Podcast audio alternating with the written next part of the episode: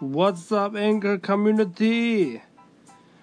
This is Echo Lin from Taiwan, and today I'm going to teach you how to curse in Chinese.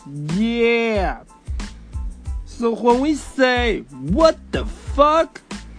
In Chinese, we say, 三小. Okay? 三小. So just like what the fuck, you can make your voice like that. Just make a little emphasize, you know, like 三小. Okay.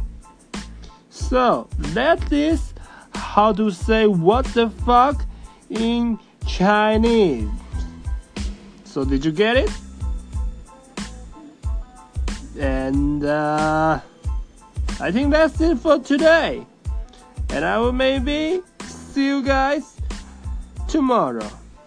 See ya!